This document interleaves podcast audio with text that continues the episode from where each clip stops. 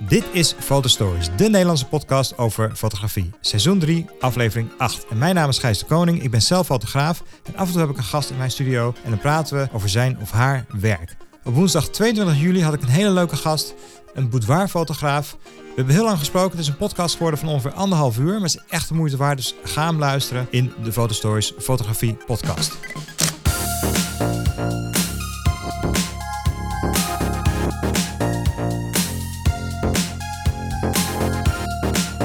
Het is woensdag 22 juli 2020 en je luistert naar Fotostories, de fotografie podcast. Seizoen 3 en het is aflevering 8 en ik heb wederom een gast in deze podcast waar ik echt naar uitkijk. We hebben al een hele tijd contact. Ik ken mijn gast, wiens naam ik nog eventjes niet ga verklappen, ken ik eigenlijk al een jaar of twee of drie, denk ik. Ze knikt, het is een dame.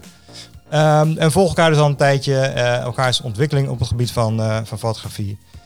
En ze heeft een heel interessant verhaal. Wie heb ik vandaag de gast? Hi, ik ben Sanne Pullis. Ik ben 23 jaar en ik ben boudoirfotograaf. Leuk dat je er bent. Dankjewel. Boudoirfotografie. Het is een van mijn favoriete genres van fotografie. Mm -hmm.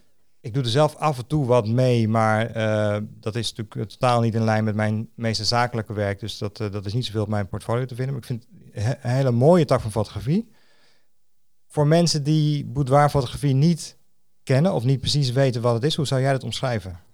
Oeh, super. Goede vraag ook gelijk. Uh, ik zie boudoirfotografie eigenlijk als een vrouw op haar puurste vorm vastleggen, waarin ze volledig haarzelf mag zijn en zelfverzekerd op beeld wordt gezet. En dit wordt meestal in lingerie of naakt of met uh, half bedekte uh, kleding, ledematen gedaan. Het is eigenlijk heel erg gebaseerd op de vrouwelijke vormen en echt werken met wat je hebt, laten zien wie je bent en daar ook echt van genieten en echt van stralen op de foto.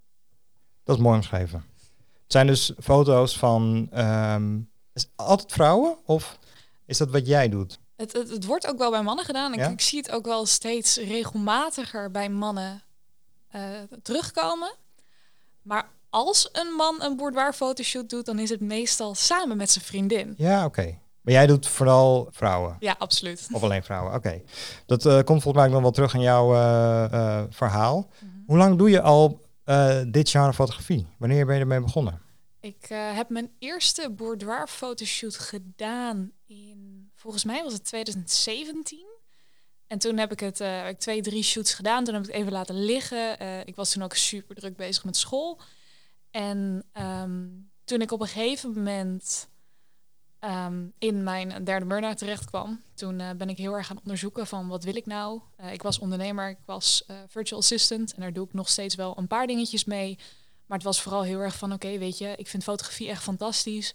En waar komt die liefde vandaan? En ik ging dus echt helemaal terug naar de basis. En de reden dat ik met fotografie begonnen ben, echt voornamelijk met portretfotografie, was omdat ik op de middelbare school heel erg merkte dat heel veel jonge meiden, heel veel jonge vrouwen zo onzeker waren over zichzelf. Dat ze echt heel erg met zichzelf, met hun onzekerheid en met de puberteit in de knoei zaten. En ik wilde er eigenlijk voor zorgen dat zij zichzelf net zo mooi zagen als dat ik ze zag. En uh, ja, dat is eigenlijk langzaam in boudoir getransformeerd. Dat is wel mooi. Ja, ik wil niet te veel uitweiden eigenlijk uh, uh, voordat we meer over jouw verhaal horen. Maar er is natuurlijk een ontwikkeling in fotografie, dat, dat zie je vooral op Instagram, dat ze de werkelijkheid verdraaien met filters, met photoshoppen. Dat is natuurlijk ook een kant van fotografie. Mm -hmm. hoe kijk je er dan tegenaan? Um, ik ben er zelf absoluut niet mee eens. Uh, heeft er ook mee te maken met. Um, ik denk dat het ook een beetje het stigma wat de maatschappij op het moment heeft, dat het alleen maar super perfect en gepolijst moet zijn. Uh, daarom doe ik dat heel bewust in mijn fotografie niet. Uh, mijn regel is eigenlijk, alles wat tijdelijk is, wil ik met alle liefde wegwerken. Even denken aan uh, pukkeltjes, -huh. misschien een, een, een, een, een, een krabwond van een kat of zo.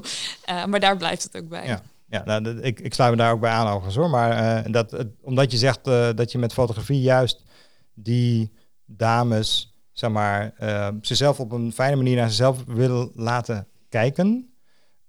Dus inderdaad een kant van fotografie die dat juist heel anders heeft. Dus fotografie heeft wel een nadelige invloed -hmm. op, denk ik, veel jonge mensen en vooral veel jonge dames. Een soort ideaalbeeld wat niet bestaat. En jij probeert diezelfde fotografie, maar op jouw manier probeert het eigenlijk weer ongedaan te maken. Ja, precies. Mooi Kijk. gezegd. Uh, je bent dus begonnen met fotografie om die reden eigenlijk. Ja, met, met portretfotografie echt. Oké, daarvoor was je al wel met fotografie bezig als hobby. Ja, dat was het. Ik ben met fotografie als hobby begonnen toen ik zeven was. Oké, dat is, dat is eh, heel vroeg. 2004. Ja. Eh, en eh, ik ben dus inderdaad met portretfotografie begonnen toen ik een jaar of 14 was. Dus toen was ik al zeven jaar een beetje voor de lol foto's aan het maken. En mijn Mhm. familie verjaardagen en feestjes foto's maken. Maar dat was echt gewoon met een... eh, eerst met een digitale camera. Dat, dat- toen waren die echt net uit. Toen waren net de rolletjes een beetje uit de markt. En eh, gewoon uit- allemaal afdrukken en dan eh, met de familie ronddelen. Maar hoe ga je dan van, van portretfotografie naar boudoirfotografie? Want dat is denk ik best wel een, een stap. Oh, dat is een hele goede vraag trouwens. Ehm, waar ik zelf vooral heel erg mee bezig ben geweest, is eh, ook een stukje mijn eigen zelfbeeld verbeteren. Ik ben eh, altijd heel erg onzeker geweest over mijn gewicht bijvoorbeeld. Eh, ik ben ook bijna 1,80 meter, dus eh, ik was ook altijd een van de langste meiden in mijn omgeving. Dat is iets waar ik een hele tijd best wel heel erg onzeker over Als geweest fotograaf is het best wel handig hoor, soms. Zo lang Ja, zijn. absoluut. Ik heb vaak genoeg mensen ehm, die dan bijvoorbeeld mij fotograferen, die gewoon er een trapje bij pakt, omdat ik zo lang ben. Dat is, Ja. Daar heb ik dus gelukkig geen last van. Maar ehm, ik merkte gewoon heel erg dat. ehm, ik ben dus begonnen met zelfportretten maken. En toen ik die begon met maken, toen ben ik natuurlijk begonnen met mijn gezicht. Dat was het eerste wat ik redelijk kon controleren. Dus ik ging voor een spiegel staan en ik ging gezichtsuitdrukkingen oefenen. En toen dacht ik, oké, weet je, ik heb nog een lichaam, daar ga ik ook wat meer mee doen. Dus dat eh, ging ik langzaam doen. En ik merkte op een gegeven moment, toen eh, kwam op een gegeven moment die baggy kleding en die boxfit t-shirts en al dat soort dingen kwam helemaal in. En toen dacht ik, waar zijn onze, onze curves gebleven? Waar zijn Mhm. onze vrouwelijke vormen gebleven? En toen Ja. dacht ik van, ja, weet je, ik kan ze wel een strak hemdje neerzetten, maar ik kan ook gewoon met het lichaam van iemand spelen. Eh, dat heb ik toen eerst op mezelf eh, uitgetest. En het heeft een best wel een tijdje geduurd voordat ik voor mezelf die drempel over durfde. Eh, daar heb ik ook een, een zelfportretserie over gemaakt. Heb ik geüpload. En op dat moment besloot ik: oké, weet je, dit is wat ik wil. En dan ga ik, ga ik zelf het goede voorbeeld geven. En dan ga ik dus op zoek naar mensen die mij vertrouwen om dat dus ook van hun neer te zetten. Oké, dus je, je bent er bij, bij jezelf, naar jezelf gegaan. Alleen met zelfportret of heb je ook met andere fotografen gewerkt daarin? Eerst echt alleen zelfportretten, ook omdat het, het is echt best wel iets heel erg persoonlijks. Mhm. En omdat ik er zelf nog niet comfortabel genoeg mee was, heb ik het eerst bij me, heb ik eerst eigenlijk geëxperimenteerd zolang ik er, ja, op het moment dat ik er zelf comfortabel mee was. En nu sta ik er echt wel voor open om dat ook met andere fotografen te gaan experimenteren en daarmee bezig te gaan, omdat ik nu ook een stuk zelfverzekerder ben. Ehm, dat is er tot op heden niet van gekomen, Mhm. ook een beetje door de, door de coronacrisis Ja, waar we nu in zitten. Ehm, ja, Maar heeft het, heeft het proces van die... Je bent dus zelfportretten gaan maken. Mhm. Nou, ik kan me voorstellen dat je, dat je heel veel hebt gemaakt voordat je er eentje hebt gepubliceerd, denk ik. Althans, ik weet niet of... Heb je ze al gepubliceerd überhaupt? Heb je ze... ja, ja, ja, ik heb eh, best wel heel wat zelfportretten al online staan, ook, eh, ook in lingerie. Maar heb je zeg maar, je eerste serie gemaakt en gelijk gezegd van die ga Oh nee, nee, nee, nee, nee, nee, nee. ik denk dat ik mijn eerste zelfportretserie heb gemaakt in... Het zal 2015, 16 zijn geweest. En de eerste die ik echt online heb gezet was begin 2018. En in die tussentijd, eigenlijk is het proces voor jezelf van zelfacceptatie, mag ik het zeggen? Mhm. Acceptatie van je, van je lichaam, hoe je eruit ziet. Heb, heb je in die tijd, is het eigenlijk ontwikkeld voor jezelf of niet? Of, Ja, zeker. En ik ben ook heel erg eh, bezig geweest met mindset en met een stukje zelfliefde. Dus hoe ga ik meer van mezelf houden? Mhm. Allereerst mentaal, dus mezelf volledig accepteren zoals ik ben. En mezelf echt in de spiegel kunnen aankijken. Dan echt gewoon een kwartier naar mezelf kunnen kijken. Zonder dat ik me daar vervelend bij voelde. En eh, ja, toen ik daar eenmaal gewend mee was, toen ben ik dus een stap verder gegaan. En ook echt foto's van mezelf gaan maken. En ehm, ja, dat, dat ging dus langzaam steeds verder. is dan niet het gevaar dat je op een gegeven moment, dat zie ik natuurlijk ook wel gebeuren eh, met selfies, dat je niet zozeer meer tevreden wordt met jezelf, maar dat je handiger wordt in die zelfportretten maken. Dat je beter wordt in jezelf gunstig op de foto zetten. Dat je meer tevreden bent met de foto. Want er zijn Oeh, dat- er zijn- je kan natuurlijk een foto van jezelf maken op twee manieren. Eh, op heel veel manieren natuurlijk. Maar je kan lekker onderuitgezakt eh, zitten en het is misschien minder flatteus. En je kan net de juiste hoek pakken dat eh, alles mooi wordt verhuld en heb je een prachtige foto. Mhm. En dan ben je misschien tevreden met die foto, maar dan werkt het misschien niet door tot die volledige zelfacceptatie. Oeh. ook wel mooi. Ook een heel mooi voorbeeld wat je, wat je, wat je zo geeft. Um, laat ik het zo zeggen, omdat ik dus niet aan heel veel nabewerking doe. Ik doe Mhm. vooral kleur en dus de, de pukkeltjes, zoals ik al zei. Ja. Het, je bent het nog wel steeds helemaal zelf. Dus ook al fotografeer je je uit een, uit een goede hoek, je bent het nog steeds zelf. En ik denk dat als je die ehm, link voor jezelf kan maken, dat je dus de foto niet meer los ziet van jezelf, maar echt als een deel van jezelf, dat je dan eigenlijk het, eh, ja, een beetje het, het, het gouden midden te, te pakken hebt. Oké. En toen jij, ehm, ik, probeer, ik probeer even je, je hele proces te, te Mhm. ehm, analyseren. Toen jij klaar was met dat proces, natuurlijk niet echt bewust dat je daar een eindpunt aan had, maar op een gegeven moment was jij foto's van jezelf het maken en publiceren en, en je gevoel over jezelf was een stuk beter. Je was tevreden over die foto's en tevreden met jezelf. Toen dacht je gelijk van dit wil ik gaan doen met andere mensen? Of hoe, hoe ehm, had, je dat al, had je dat al eerder in je hoofd? Van ik wil het ook met andere mensen gaan doen? Of dacht je van hey, deze ontwikkeling was voor mij zo krachtig en belangrijk. Daar zou ik andere mensen mee kunnen helpen. Eh, abso- ja, ik heb, ik heb inderdaad, zoals ik al zei, ik ben dus op, eh, in 2014, of toen ik eh 14 was, dat is eh 2000, eh, 2011 geweest. Toen ben ik langzaam begonnen met het fotograferen van mensen. En wat ik dus zei, omdat ik ze graag een beter zelfvertrouwen wilde geven. En natuurlijk waren mijn vriendinnen mijn eerste modellen. Dat zijn ze nu in heel veel gevallen nog steeds. Ja. Dat vinden ze ook heel erg leuk. Dus als ze weer wat nieuws bedacht hebben, is het San, eh, kun je even komen, foto's maken? En Ja. meestal, ja, dat vind ik al allemaal hartstikke leuk. Maar omdat zij dus ook met mij meegroeide, ehm, was het voor mij ook makkelijker om dus steeds een, een stap verder te gaan. Wel allemaal met hun toestemming. Ik heb ze altijd. eh, ik vraag ze sowieso altijd eerst van: sta je ervoor open voordat ik het überhaupt een afspraak met ze maak? En soms eh, duurt het een jaar en dan zeggen ze van: oké, weet je, nu ben ik eraan toe. Nou, dat, was, dat zou inderdaad mijn volgende vraag gaan worden. Want, want jij hebt dus best wel wat tijd gedaan om zelf tevreden te worden met jezelf op de foto. Mhm. En ik weet niet hoe lang dat... Een, een jaar? Twee jaar? Een paar maanden? Hoe, hoe, hoe lang duurt zo'n proces? Hoe lang duurt dat proces bij jou? eh, mijn eigen proces om echt helemaal happy te zijn met wie ik was. En nu heb ik het dus ook dat ik echt een hele, heel groot brok onzekerheid moest overwinnen. Eh, dat heeft wel een jaar of twee geduurd, inderdaad. Ja, en de mensen met wie jij werkt, wilde ik vragen. Maar dat zijn dus ook vaak vriendinnen die ook een langere periode met jou samenwerken. Maar je zou ook mensen hebben die, die je kort kent. Mhm.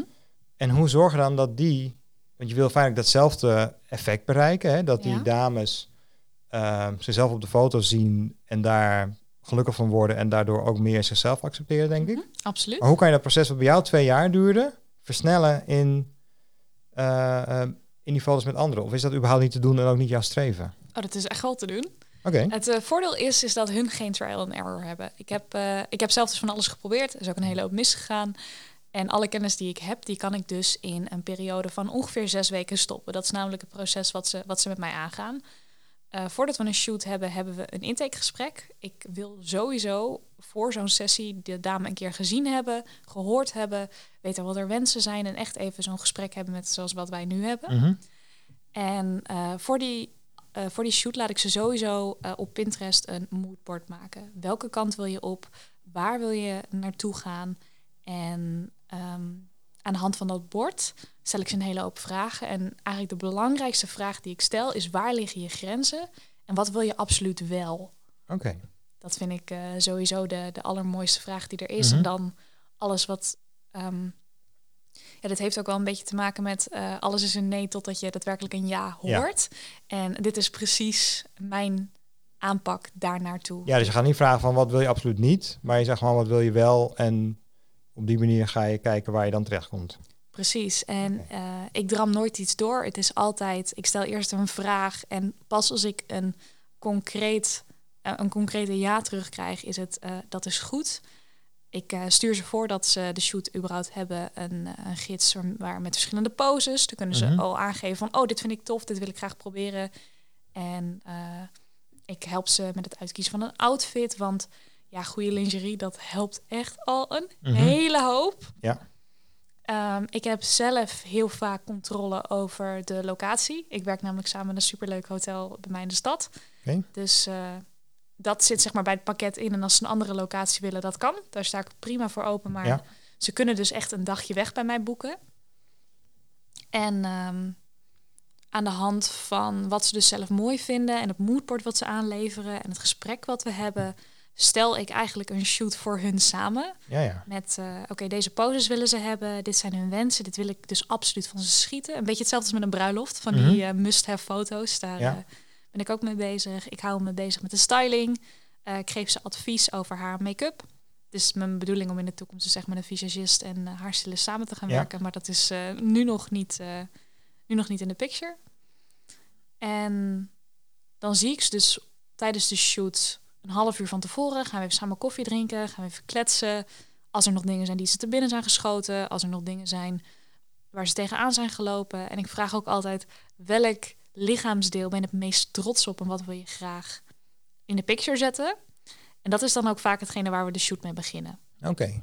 Dus je bent eigenlijk is het, het is niet zozeer dat de foto's en het resultaat dat proces zijn, maar je bent eigenlijk al veel eerder bezig voordat je überhaupt een foto hebt geschoten om te helpen en, en dat proces te begeleiden. Ja, zeker. Oh, dat is wel interessant. Het is dus veel meer dan alleen fotografie. Absoluut. Het is ook eh, een klein stukje, een stukje mindset coaching. En eh, allereerst, een van de allerbeste dingen die je tijdens een fotoshoot kan doen, is complimentjes geven. Uiteraard. Uiteraard, ja. Dat maakt niet uit wat voor soort fotoshoot je doet. Complimentjes geven en subtiele aanwijzingen geven. En wat ik zelf ook heb, is... eh, ik heb sowieso de poses die ik wil... eh, die ik ze wil laten uitvoeren. Waar we zelf dus ook eh, over gesproken hebben. Heb ik altijd een foto van op mijn telefoon.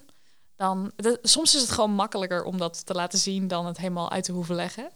Dat is waar. Mhm. Dus dat, dat, dat scheelt echt een hele hoop. En tijdens de fotoshoot geef ik nog adviezen. We zoeken sowieso samen de mooiste setjes uit, de mooiste, ja, de mooiste locaties, de mooiste hoekjes die we, die we dan hebben. En eh, na de shoot, dan begint eigenlijk voor mij het allerleukste. Want dan mag ik namelijk van het beeld wat ze van zichzelf hebben, dus dat nieuwe beeld gaan, Hmm. eh, gaan maken. Ja. En dan eh, hebben we ongeveer binnen twee weken na de, na de shoot zelf hebben we de reveal sessie. En eh, dan krijgen ze dus al hun foto's te zien. En dan mogen ze dus kiezen van oké, weet je, deze en deze foto's wil ik hebben, deze wil ik geprint hebben, hier wil ik een album van hebben. Want je gaat bij mij niet weg zonder dat je een afdruk meekrijgt. Mhm. En eh, die krijg je dan thuis gestuurd. Maar eh, je kunt ook door het hele proces ervoor kiezen om bij mij thuis langs te komen. Dus dat is. eh, Oké, ja. het kan allemaal online. Het kan ook Ja. allemaal bij mij thuis. Het is, het is wel leuk. Ik, ik heb het volgens mij in een van deze podcast wel een keertje gezegd dat er voor mij eigenlijk drie momenten zijn in, in fotografie eh, waar je een soort, soort, soort satisfaction uithaalt. Dat is eh, op het moment dat je bezig bent met een fotoshoot en je klikt en je weet op dat moment van ik heb nu een mooie foto te Mhm. pakken. En tegenwoordig kunnen we dat dan op de achterkant van de camera gelijk nog eventjes Ja. zien. Dan heb je zoiets van, yes, weet je, dit, dit wordt mooi. Mhm. En dan het tweede moment is, zodra je ze op je computer gaat inladen en je ze op je grote scherm ziet en je ze een beetje gaat bewerken met de kleuren, denk ik van ja, dat is echt heel erg mooi. Mhm. Dan komt er nog een derde moment. Dat is als je die foto aan de klant laat zien van het model. Dat die ook ziet van, wauw, dit ben ik. Dit is echt mooi. Ja. En dat is precies hetzelfde wat jij eigenlijk vertelt. Mhm. Dat is superleuk. Ja. En ik, ik maak dat moment dus nog iets groter door ze dus van tevoren al helemaal kennis te laten maken met mij en met mijn stijl van fotografie. Ik vertel ook altijd iets over mezelf en dus mijn, dat mijn liefde voor fotografie dus echt komt uit het, eh, ja, het, het, het creëren en het vergroten van het zelfvertrouwen van Mhm. andere vrouwen. Daarom werk ik ook het allerliefst met andere vrouwen. Dat, dat, dat, dat matcht gewoon heel lekker. Ja. En eh, het laatste moment, eh, als ze dus de prints, dus de afdrukken, daadwerkelijk in hun handen kunnen krijgen. Dat, dat is dan nog een extra moment voor hun, want die heb ik dan natuurlijk al lang gezien. Dus dan heb ik al zoiets van, oh, gaat ze zo blij mee zijn. ja. En eh, of ze komt het ophalen of ik stuur het naar haar toe. En dat moment, dat, zeg maar, ik, daarom vind ik het leuk om die reveal sessies ook te doen. Want dan kan ik gewoon hun eerste reactie zien. Want dat heb je dus niet als je via WeTransfer iets naar ze Ja. toestuurt. Dan krijg je een appje of een, een Instagram DM en dat is het. Mhm. Ik vind het altijd leuk om daar live bij te zijn. Zeg maar, heb je altijd dat beoogde effect? En ehm, zeg maar, of heb je ook wel eens zoiets dat je denkt van, oké, weet je, iemand is blij met mooie foto's, maar of het nou echt een verandering heeft teweeggebracht bij die persoon, dat weet ik niet. Uh, het, het ligt eraan heel vaak hoe, hoe zelfverzekerder eh, de vrouw over zichzelf, hoe leuker de reactie. Het klinkt heel gek, maar meestal iemand die super zelfverzekerd is. En als ik er dan op zo'n subtiele, sensuele manier kan neerzetten, heeft ze zoiets van: oh mijn god, ik wist helemaal niet dat ik dit ook in me had. Mhm. En dan heb je dus de vrouwen die dus heel erg onzeker zijn. Die hebben vaak een wat meer ingetogen reactie. Maar die, daar gebeurt mentaal veel meer. Maar dat laten Ja. ze nog veel minder aan de buitenkant zien. Denk je dat het een, zeg maar, een, een blijvend resultaat heeft? Dat je, dat je die vrouwen echt helpt, een boost geeft in hun, nou ja, wat in ieder geval voor de komende paar jaar hun wel verder helpt? Dat eh, denk ik wel. Dat, eh, dat, is, dat is ook echt heel erg mijn wens om dat bij heel veel vrouwen te mogen, eh, ja, mogen creëren. Wel een heel mooi gebruik van fotografie dan. Mhm. Dat is dus best wel eigenlijk hetgene hoe jij ook bent begonnen met portretfotografie. Dus dat is Ja. eigenlijk wel een rode draad eh, eh, gebleven. Mhm. Heb je dan niet de behoefte om ehm, meer te gaan doen met die, met die vrouwen? Want je, je, je hebt dan dat, dat resultaat bereikt en denk van, weet je, er, er zit misschien nog wel meer in je. Of, of, of ik wil verder gaan, want ik merk dat het werkt bij je. Maar bied je dan een, een tweede fotosessie aan? Of, Dat is sowieso iets waar, waar ik mee bezig ben, is dat eh, dames dit dus ook zeg maar cadeau mogen geven aan, aan een vriendin. En dan krijgen zij dus van mij dus te goed, waarin ze dus weer nieuwe afdrukken kunnen kopen of dus een nieuwe fotoshoot mee kunnen financieren, Ah, zeg maar. En het is voor mij fijn. Het is eigenlijk een win-win-win situatie. Want Ja. die vriendin krijgt ook dat soort mooie foto's van zichzelf. Ik heb een nieuwe klant erbij en hun Mhm. krijgen weer nieuw te goed voor eventueel een volgende sessie of eventueel nieuwe prints. Maar ehm, wat leuk dat je het vraagt eigenlijk, waar ik eh, op het moment mee bezig ben, want ik doe nog Mhm. niet alleen fotografie, is eh, ik ben ook burn-out coach. En zoals ik net in mijn intro al zei, ik heb zelf drie burn-outs gehad en ik weet hoe lastig het is. je, bent, je bent 23. Ik ben 23 jaar. Dit Oké, is, eh, le- le- leg eens uit. ja, ik, Drie, drie burn-outs. drie burn-outs. Ik heb... eh, wil, wil je het uitleggen? Je hoeft ja, het niet uit te leggen tuurlijk, het gaat over fotografie. Maar Nee, maakt niet uit. Ik vind het helemaal niet erg. Ik, eh, ik praat er ook heel graag over, omdat ik echt dat stigma rondom mentale gezondheid, eh, ja, dat, dat mag het voor mij echt helemaal af. mhm. Maar, ja, ik heb eh, gedurende mijn basisschool, middelbare schooltijd al heel erg veel last gehad van overspannenheids- en oververmoeidheidsklachten. Ik heb eh, twee workaholics als ouders, dus eh, ik was vanuit huis heel erg gewend van gewoon aan de slag, dan doe je het goed. Hard werken, dan gaat alles goed. Er werd bij mij ook heel erg de focus gelegd op hoge cijfers halen. Dat is het enige wat telt. Nou, dat ging tot en met tweede klas van mijn HBO-studie goed. Nou, hoe goed kun je het noemen als je met overspannenheid en oververmoeidheidsklachten thuis zit, maar Ja, je dacht dat het goed ging. ik dacht dat het goed ging. Het was, eh, het was vol te houden, laat ik het zo zeggen. En eh, op een gegeven moment, eh, tweede klas HBO, toen ging er in één keer drie dingen in mijn leven compleet, compleet mis. Mijn vader werd ernstig ziek. Eh, mijn beste vriend kwam eh, tijdelijk bij mij wonen door een situatie. Eh, ik haalde in één keer al mijn schoolvakken niet. En toen dacht ik zoiets van, oh, help. En toen belandde ik eigenlijk in mijn eerste zwarte gat. Ja. Ehm, om gelijk even met de deur in huis te vallen. Mijn vader leeft nog steeds. Dat, dat is zeg maar, als ik dit verhaal vertel, is het eerste wat ze denkt van, oh, leeft hij nog? Maar ja, Ja. nog steeds. En ik heb nog steeds een hele goede band met mijn vader. Dus dat, dat, dat is zeg maar ook iets wat ik, wat me ook weer uit die situatie heeft Ja. Nou, burn-out nummer twee. Toen gingen er twee mensen in mijn omgeving eh, vlak na elkaar dood zonder aanleiding. Dus geen ziek Mhm. bent, gewoon van de een op de andere dag eh, omgevallen, hartaanval. En eh, dat was het. Mhm. Dus dat heeft toen. ik had sowieso voor die tijd nog maar één keer te maken gehad had met rouw. Dus dat was, was best wel heftig. Ja. Ehm, ik was er precies voor dat moment ook achter gekomen dat de studie die ik deed niet helemaal bij mij paste.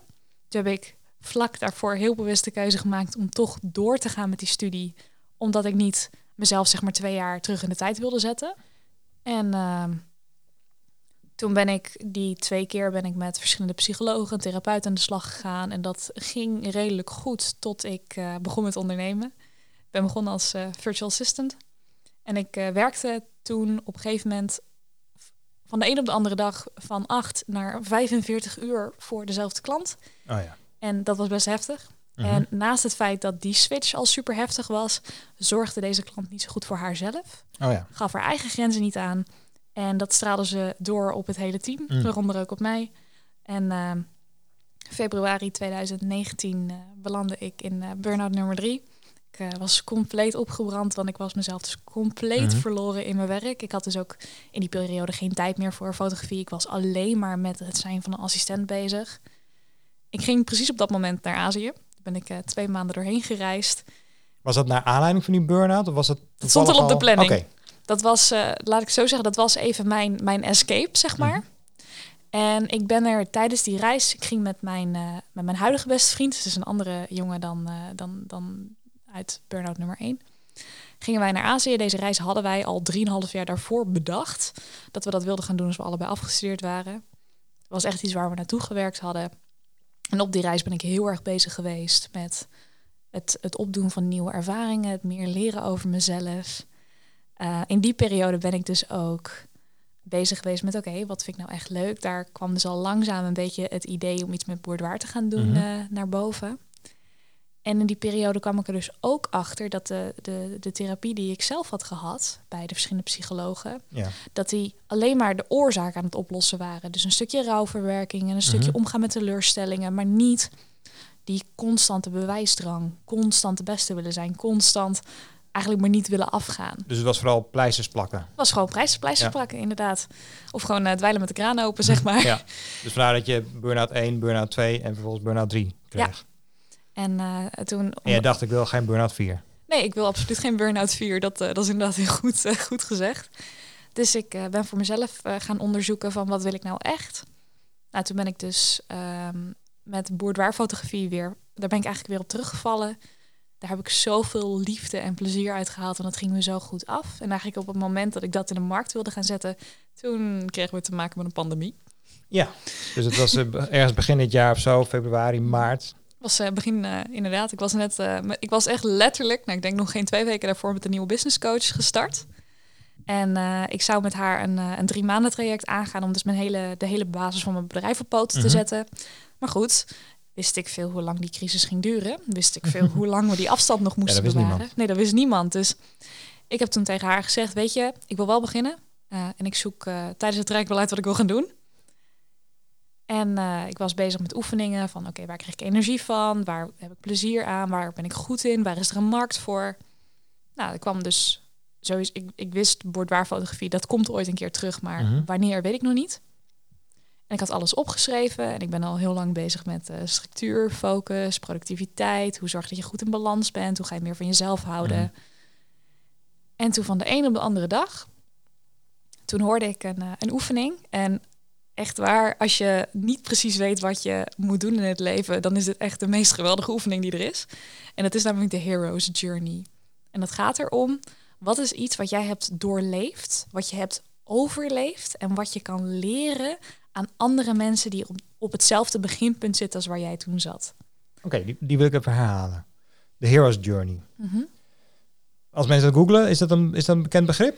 Het is, uh, ik, ik heb een, ik, uh, een YouTuber die hier super goed mee bezig is. En uh, die hier volgens mij gisteren zelfs nog een video over gemaakt heeft, is Sunny Lenarduzzi. Mm -hmm ik zal Gijs vragen of hij die, die in de show notes zet, waar die oefening in zit. Echt fantastisch. En ik had die oefening dus echt al een paar keer gehoord. Je kijkt dus naar iets wat je zelf hebt meegemaakt in je mhm. leven of, of doorheen bent gegaan. Dus een mhm. bepaalde ontwikkeling die heeft geleid tot een nieuwe fase in je leven of een nieuwe stap.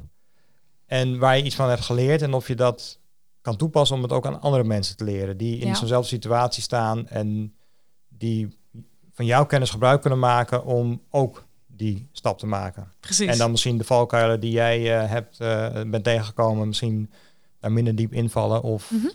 oké. Ja, dat. Uh, en toen vulde ze alles op zijn plek. En nu zijn we drie maanden verder. Nu heb ik een heel bedrijf opgezet. ben ik burn-out coach. En help ik dus jonge vrouwen op eigen kracht na hun burn-out de controle over hun leven terug te pakken. Wauw. En dat door de coronacrisis. En dat door de coronacrisis. Ik ben er, uh, laat ik het zo zeggen, ik geloof echt dat er in alles wat je in je leven meemaakt een positieve en een negatieve kant zit. Mhm. En ook al moest het uh, verhaal eventjes tijdelijk op slot, heb ik dit kunnen ontdekken. Daar ben ik zo absurd dankbaar voor. Mooi. En je doet, maar je doet dat, want je mag nu weer, je kan nu weer foto's maken, denk mhm. ik. Althans, ik ben weer begonnen met foto's maken. Ik ook. Um, en je doet dat nu naast elkaar. Je doet het beide. Ja, ik doe het nu beide. En het zijn nu nog twee losse bedrijven. Mhm. En mijn doel is ook, en dat vind ik het, het allermooiste, om het zo meteen samen te gaan voegen, dat op het moment dat mensen dus het burn-out traject, uh, dat heet het uh, Burnout Light Up traject, bij mij gevolgd hebben drie maanden, dat ze dat traject kunnen afsluiten met een bordwaar fotoshoot, als ze dat zouden willen. Ik wou net zeggen, want er zitten natuurlijk best wel parallellen in. Het is natuurlijk totaal ander werk. Hè. De ene is Mhm. fotografie en de andere is eh, ja, meer coaching. Maar als jij vertelde net hoe jij zo'n eh eh, boudoir-traject aanpakt met iemand, dan zitten daar natuurlijk best wel parallellen in. Dat klopt. Nou, het zal natuurlijk niet elke eh, klant die een burn-out heeft gehad een boudoir fotoshoot willen, denk ik. Nee. en niet elke eh, klant die een boudoir fotoshoot wil, heeft een burn-out gehad, Nee, mag precies. hopen. Maar jij denkt dat daar wel markt is voor, voor die combinatie? Ik denk het sowieso. En dan kunnen ze het sowieso allebei nog los doen. Ze kunnen er ook voor kiezen om dus alleen een burn-out traject te doen. Of het af te sluiten met een normale fotoshoot. Want eh, als dat iets is waar je behoefte aan hebt, dan wil ik dat ook echt op die manier vervullen. En zo kun je alsnog ook de hele boudoir ervaring erbij boeken.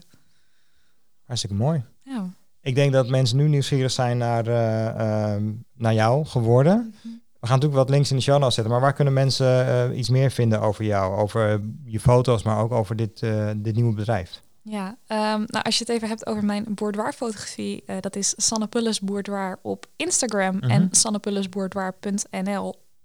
Eh gewoon eh, overal op het internet.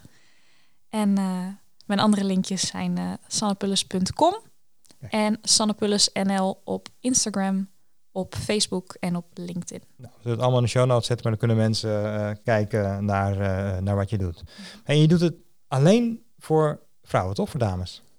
Ja, mijn, mijn ideale klanten zijn echt vrouwen, maar als een man bij mij aankomt en zegt Sanne, dit wil ik, dan gaan we dat natuurlijk gewoon regelen. En dan eh, qua burn-out traject of ook qua eh boudoir fotografie? Op het moment sowieso qua burn-out traject, qua boudoir ben ik me daar nog in aan het ontwikkelen. Ja, Het zeg maar voorstellen dat het een hele andere manier van werken is, een andere markt. Mhm. En eh, ja, precies. En dat is zo, zoals ik net al zei, is als een, een koppel naar mij toe komt, dan is dat sowieso iets waar ik veel sneller ja tegen zou zeggen. Daar zou ik gewoon sowieso ja tegen zetten. Maar bij een man, dat zeg maar mannelijke vormen en hoe je een man het mooiste neerzet, dat is heel erg anders dan een vrouw. ja dat klopt. Ja, ja. Dus- Licht, licht, als ik in de studio werk met, eh, met flitslicht, dan, dan ga je voor mannen ook een hele andere. eh, soms lukt het niet, want dan moet je achter elkaar tien foto's schieten. Maar Mhm. je kan voor mannen een hele andere belichting eh, maken dan voor vrouwen bijvoorbeeld. Mhm. En ook in de bewerking eh, ga ik daar anders mee om. Dus Ja. ik, ik snap dat dat eh, lastig is. ja, precies. Ehm, hoe ehm, eh, kijk jij dan aan, want voor jou is boudoirfotografie dus veel meer dan een mooi plaatje opleveren. Er zit dus veel meer achter, wat ik heel mooi vind.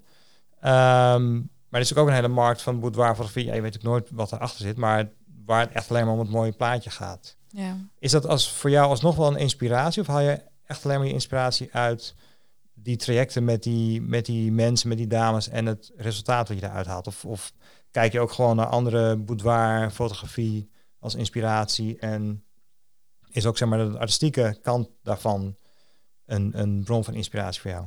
De artistieke kant is vooral qua posering, qua licht, qua opstelling sowieso heel erg mooi. Ik haal dus ook heel erg van uit wat meer vintage, dus een beetje uit de jaren 20, 30, 40 haal ik eh, heel veel inspiratie. Is dat ook het tijdstip waarop dit genre is ontstaan? Als ik het eh, goed heb, gaat het vooral over de jaren 20 en het boudoir waren dan zeg maar de achterkamertjes waar de vrouwen bij elkaar kwamen, lekker tutten, lekker kletsen, een beetje kunnen genieten, waar ze dan dus niet de, de oren en de ogen van, eh, van mannen op zich Mhm. houden. En daarom is deze naam ook aan deze vorm van fotografie gegeven. Ah, Oké, dus het komt uit die tijd. Mhm. Dat is heel interessant. Ehm boudoirfotografie eh aan zich, het, het trek vind ik heel erg interessant wat je vertelt. Wat is er anders aan boudoirfotografie dan, althans, wat zijn de kenmerken van het, het werken als, als boudoirfotograaf? Dan heb ik het meer over, over de technische kant. Waar, waar moet je rekening mee houden? Ja. Maar er komt hier veel meer bij kijken, denk ik. Ja. Om, om de menselijke vorm op een subtiele eh, manier weer te geven. Het is altijd heel erg subtiel, hè, denk ik. Het is nooit echt rauw. Nou, sowieso de basis van fotografie goed, eh, goede belichting. Dus eh, waar komt het licht vandaan? Ik werk het allerliefst met natuurlijk licht. Dus ik zoek altijd een, een ruimte of een hotelkamer op waar lekker veel licht is. Nou, Mhm. Van tevoren zoek ik dus ook van, oké, wat zijn dan de mooiste hoeken om in te fotograferen? Maar je moet gewoon heel goed weten hoe het menselijk lichaam in elkaar zit. Hoe zorg je ervoor dat vrouwen, welke postuur ze ook hebben, het mooiste op beeld komen? Want voor iemand met maatje eh 42, 44, zoals ik zelf, heb je hele andere principes nodig dan iemand met maat 32, 34. De anatomie bijna is interessant. Ja. En de locatie dus. Want jij zegt je werkt samen met een hotel. Mhm. Omdat je inderdaad niet zomaar overal een, een mooie fotoshoot kan doen. Nou, je kunt sowieso overal wel een mooie fotoshoot doen, maar of je dat wil is een tweede, een tweede vraag. Zeg maar, een, eh, ik ga met een hele stoere dame uh, aankomende vrijdag op Radio Kootwijk in Kootwijk Zand mm een, een shoot doen. Dat wilden ze heel graag. Lekker vroeg, uh, vijf uur s ochtends, moet er vroeg uit. Op de hei of ook echt bij het gebouw? Op de hei vooral.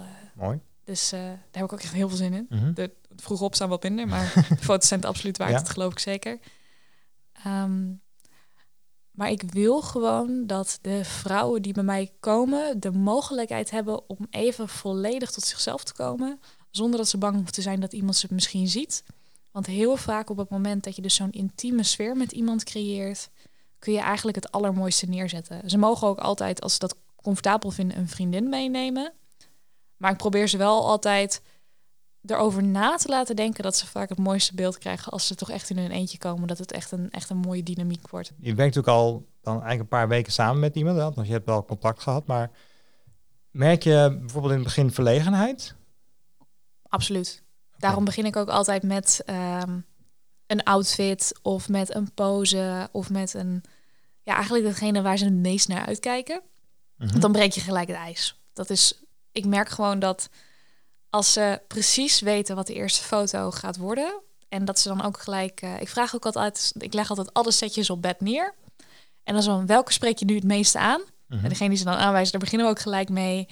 En omdat we dus dat hele voortraject al hebben gehad, weet ik precies waar ze het meest om staan te springen. Dus daar beginnen we mee.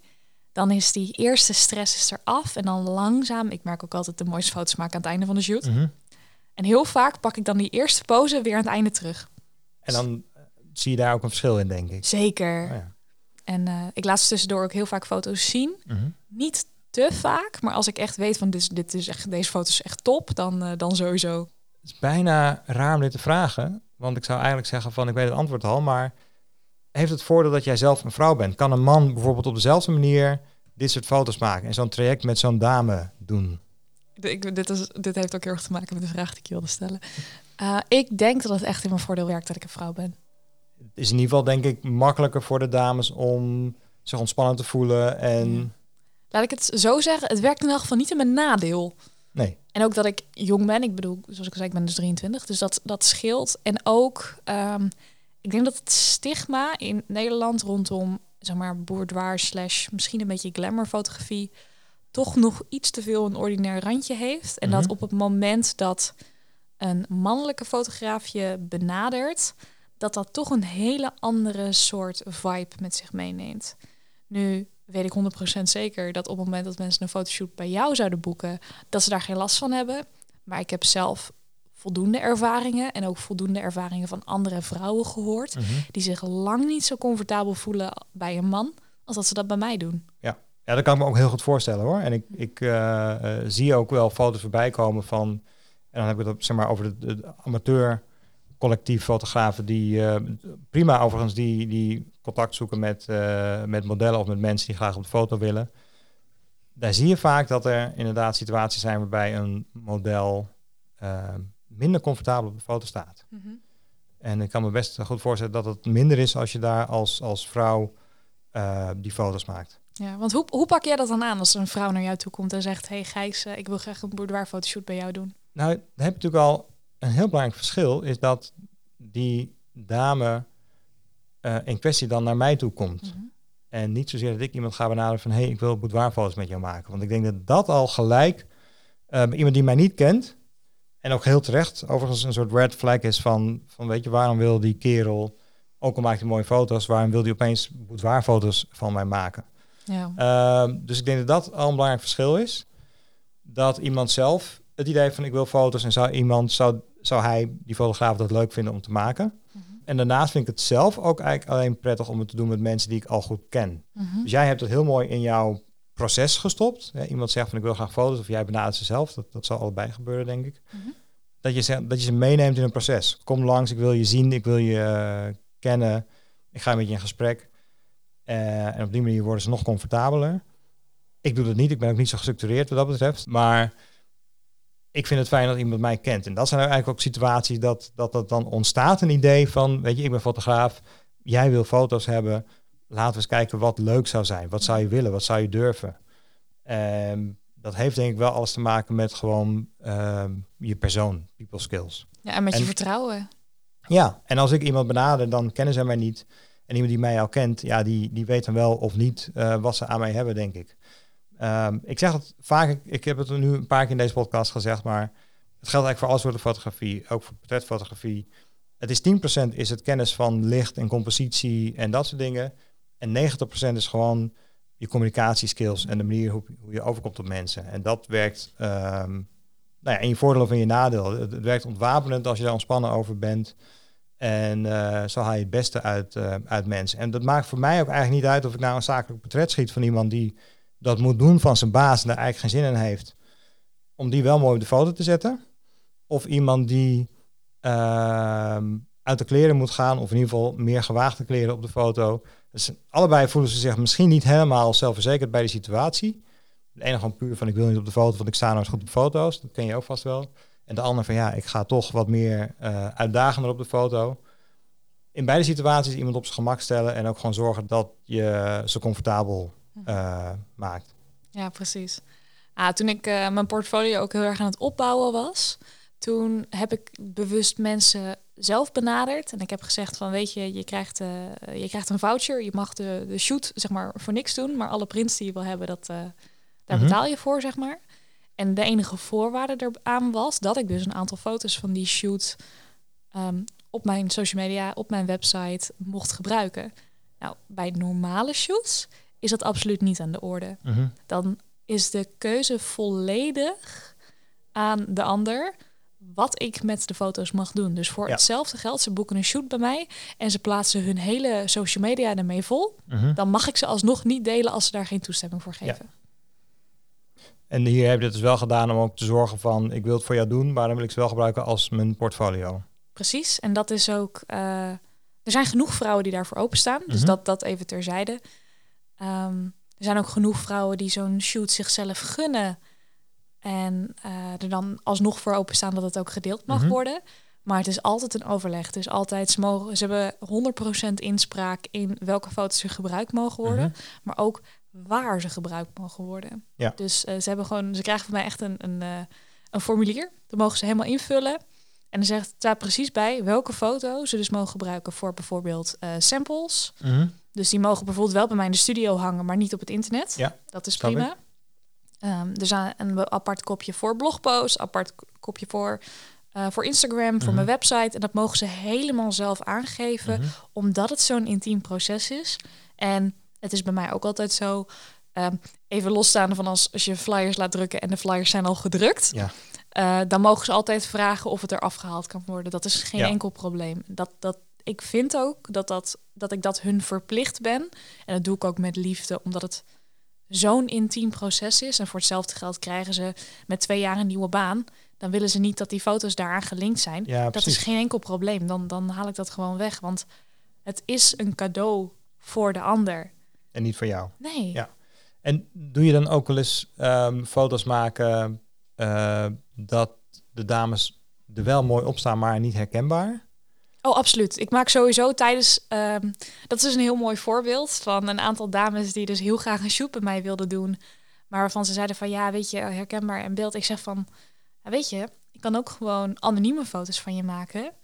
En meestal heeft iedereen zoiets van, ah prima, gebruik maar, geen enkel probleem. En dan dus niet met blokje voor iemands gezicht, maar dusdanig met licht en schaduw en, en pose werken dat iemand gewoon niet eh, herkenbaar in beeld is. Precies. Oké. Dat, eh, laat ik het zo zeggen, dat zelfs, ehm, ze hebben bij mij dus natuurlijk ook nog de keuze. eh, ik noem alle vrouwen, noem ik Miss en dan de eerste letter van hun voornaam.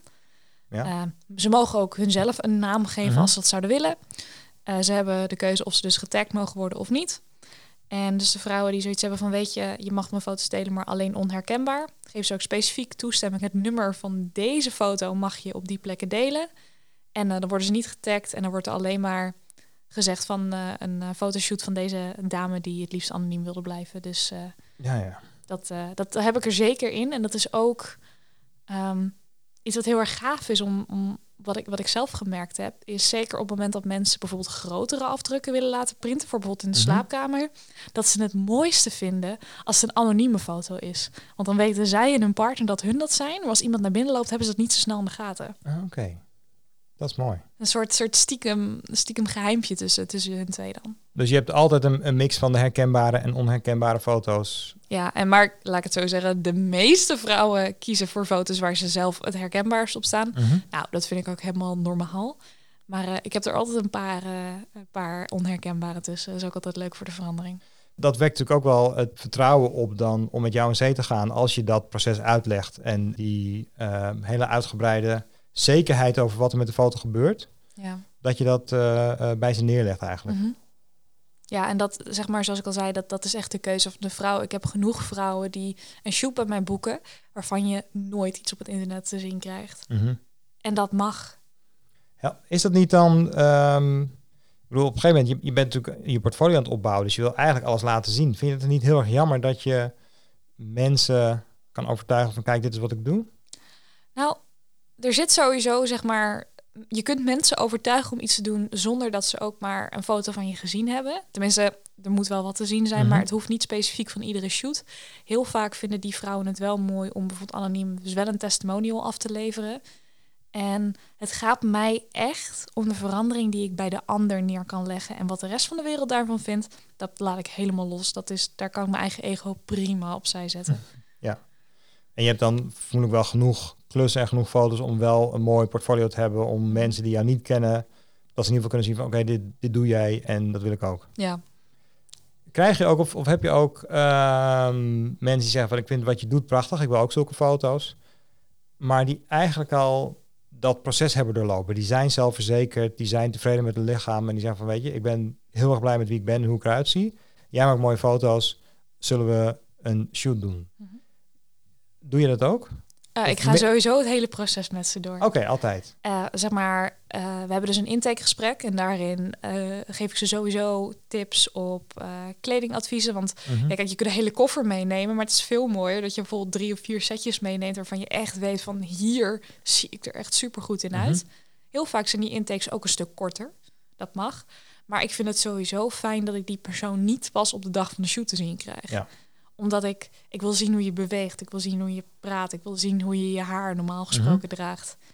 En hoe zelfverzekerd iemand ook is, ik kijk er toch met een ander oog naar dan dat zij zelf doen. En heel vaak om alvast ja, die mini-inzichtjes te geven tijdens Mhm. zo'n intake. En ook tijdens zo'n review. Want ik wil gewoon heel graag zien hoe ze reageren op het moment dat ze hun foto's daadwerkelijk te zien krijgen. Ja. Ja, dat, dat, zeg maar, ik zou dat proces ook niet zonder die twee aanbieden. Nee, oké, dat snap ik. En ehm, ehm, wat wilde ik zeggen? Dit wordt weer een knipje. Ik had een vraag en hij viel weg omdat ik naar je aan het luisteren was. Ehm, waar ging het over? Oh ja.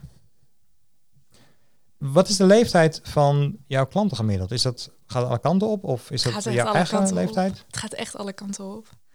Ik heb eh, recent een eh, hele mooie shoot gedaan met een dame van eh, eind 20. Mhm. Maar ik, eh, ik let eigenlijk niet, niet zo op leeftijd. Ik vraag sowieso iets wat... Ze moeten sowieso 18 plus zijn. Ja, dat, dat even terzijde. Maar inderdaad, de jongste was 18 en de oudste eind 50. Oké. Dus ja, weet je, er, en van alles ertussenin.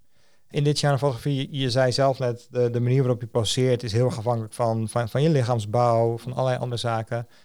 Is het ook met de ene persoon makkelijker dan met de andere persoon? Heb je Ja. wel eens dat ik denk van, oké, weet je, ehm, ik, ga je, ik wil je echt helpen om meer zelfverzekerd te worden, maar ik vind het heel moeilijk om met jou, misschien niet met de persoon te werken, maar dat je toch wel struggelt om, om iemand goed te poseren. Ja.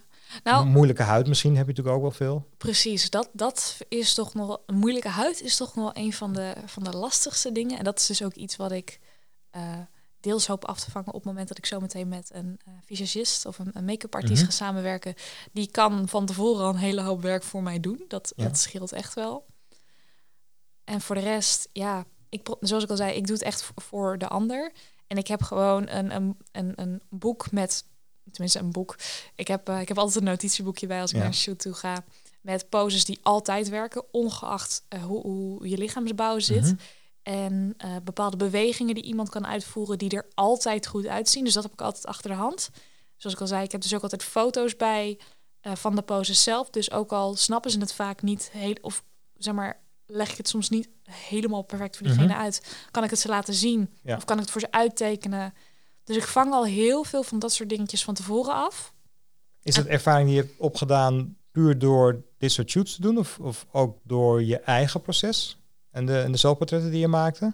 Ja, allemaal. Ik geef ook altijd, eh, altijd vrouwen aan als ze eh, voordat ze eh, de shoot bij mij boeken. Ga even voor de spiegel staan. Ga even kijken wat voor jouw lichaam werkt. Kijk even hoe je gezicht het mooiste uitkomt. Dat geef ik ze ook altijd als oefening Mhm. mee. En dat heeft dus omdat dat mij natuurlijk ook heel erg geholpen heeft. Ja.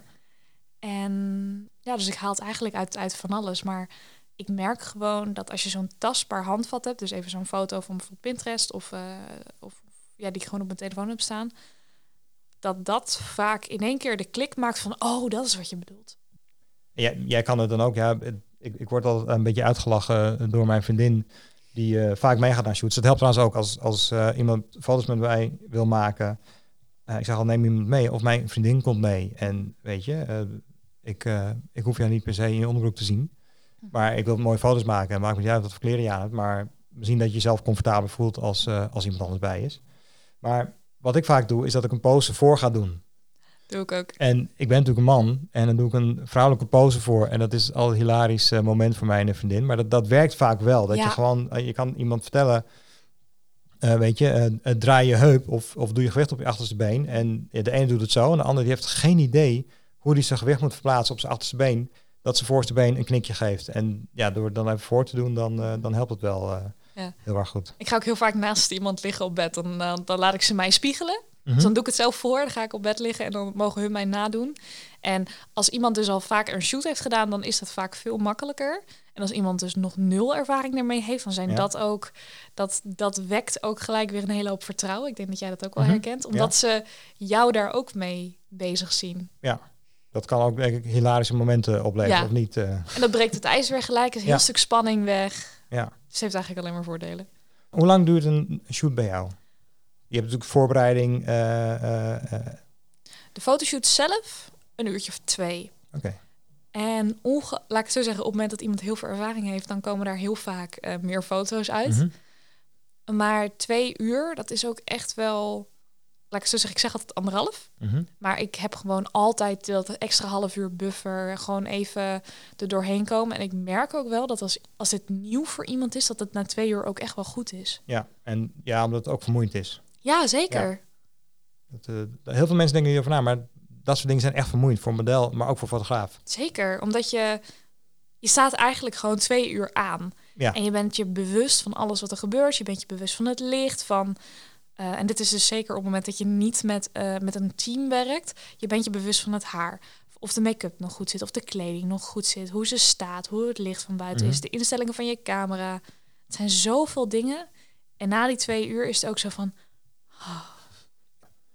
En dan weer aankleden en eh, Ja. de boel opruimen. Ja. E- Even technische vraag. Ehm, wat voor camera je hebt, interesseert me eigenlijk helemaal niet. Maar ik denk dat mensen die dit genre bijvoorbeeld willen gaan proberen. ehm kan natuurlijk heel makkelijk eh, in je slaapkamer hiermee aan de slag gaan. Wat voor lens gebruik je? Gebruik je alles of, of heb je een voorkeurslens? Wat vind jij zelf het, het fijnst? Wat geeft het mooiste effect?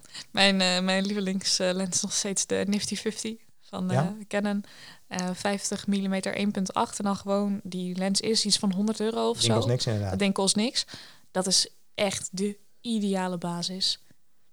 Zeker En heb je op een crop sensor camera of een full frame? op het moment nog op een crop sensor. Oké. Dus eh, Red je dat wel in een hotelkamer dan? Moet je dan niet, zie je dan niet tegen de muur aan eh, ge- gedrukt? soms, Oké. zeker, eh, zeker met full body shots, is dat nog wel eens een, een uitdaging. Canon heeft hele mooie nieuwe camera's. Ik word niet betaald door Canon om dit te zeggen, maar ze hebben hele mooie nieuwe full frame camera's. I know. Dat staat nog steeds op mijn budgetlijstje. Maar er zijn zeg maar mijn laptop die is zes jaar oud. Die Oh ja. overleeft deze zomer Ja. niet. Dus dat die moet nog vervangen worden. Nieuwe telefoon nodig. En daarna. Ik ken het, ja. Ja. Ja. Dus eh Oké, maar de Nifty 50, daar kan je eigenlijk... Nifty 50 crop sensor. Eh, ik heb ook heel veel foto's met mij gewoon in de woonkamer gemaakt. Even op een dag dat mijn ouders al bij de deur uit waren.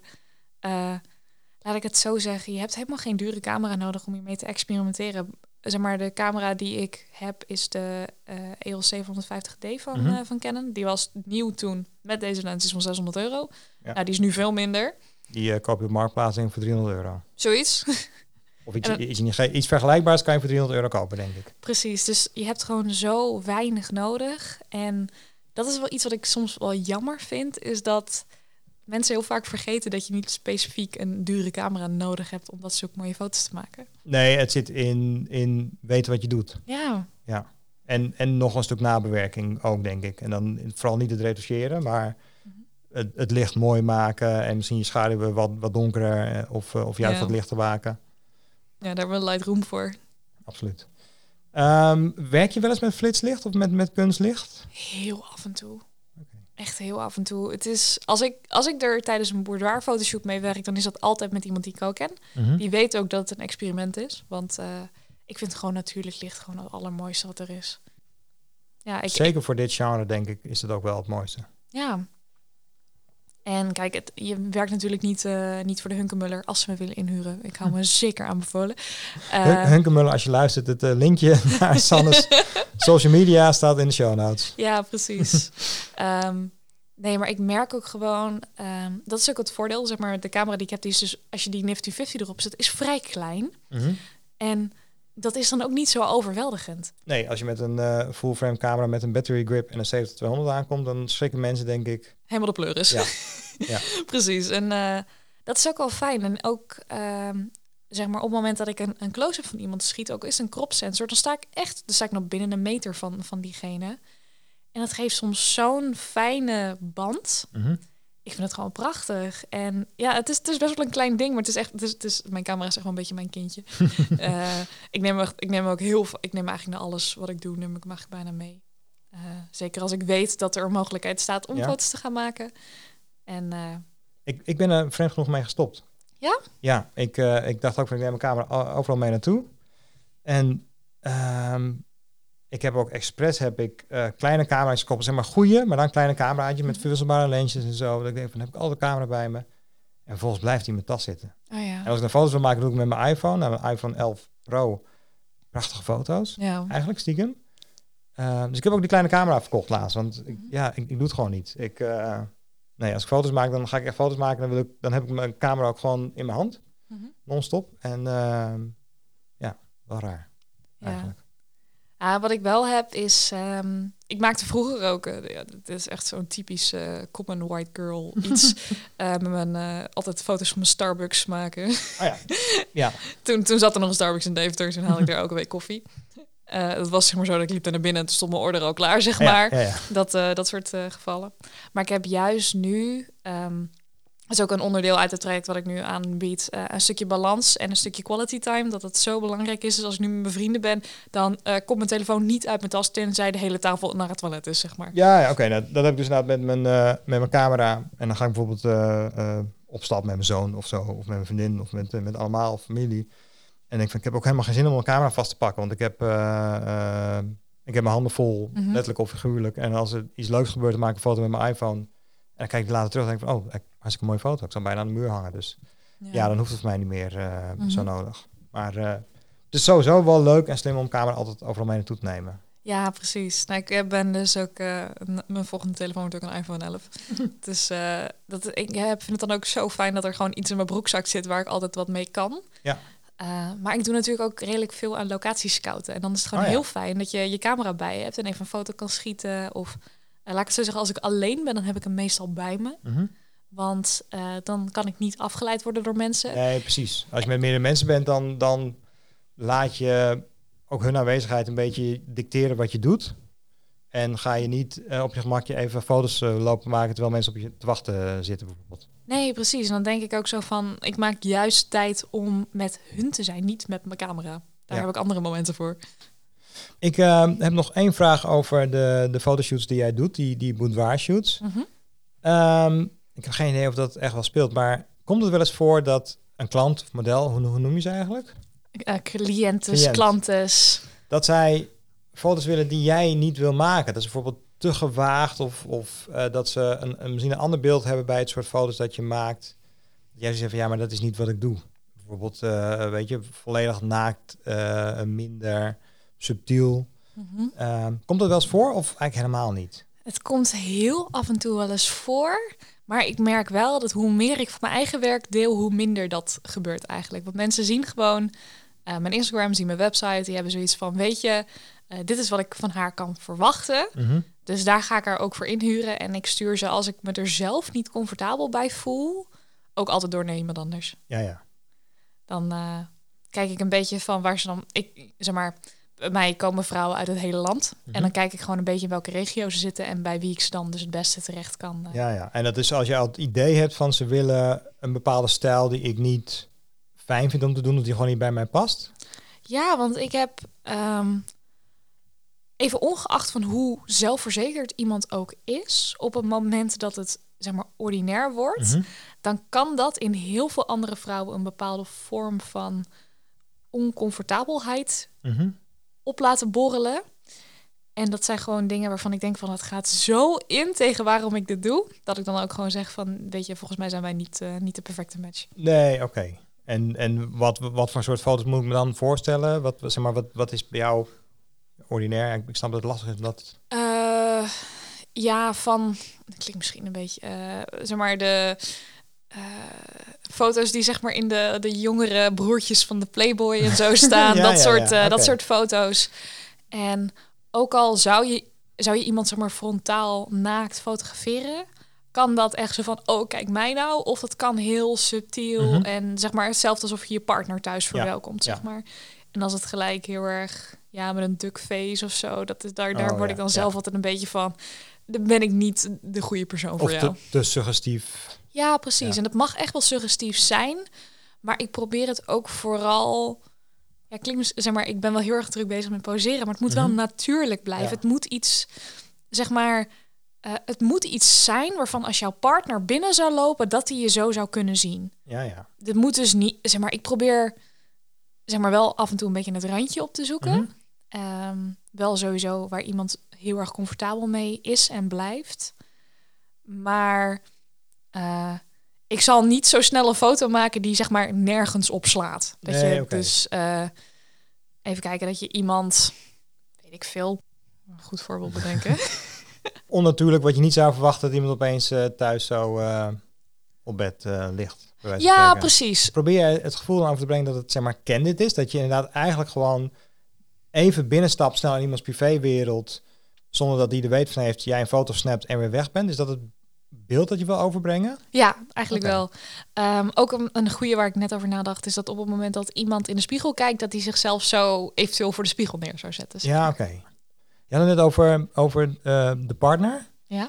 Ehm, wat vinden partners eh, hiervan? Of, of hoor je dat wel eens?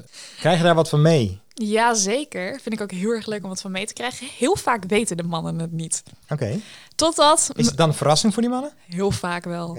En ook al is het niet, zeg maar, ik moedig een vrouw echt aan om het voor zichzelf te doen. Ja. Ehm, ik heb bijvoorbeeld ook wel eens een dame die, ehm, die is vorig jaar getrouwd. Mhm. Eh, die wilde graag voor haar bruiloft een boudoir fotoshoot doen. Dat is er toen niet van gekomen, dus die wil het nu eh, bij mij laten doen. Maar dat wil ze dus ook eens een stukje als verrassing voor haar partner doen. En dan zeg ik altijd van, weet je, eh, dat is helemaal prima.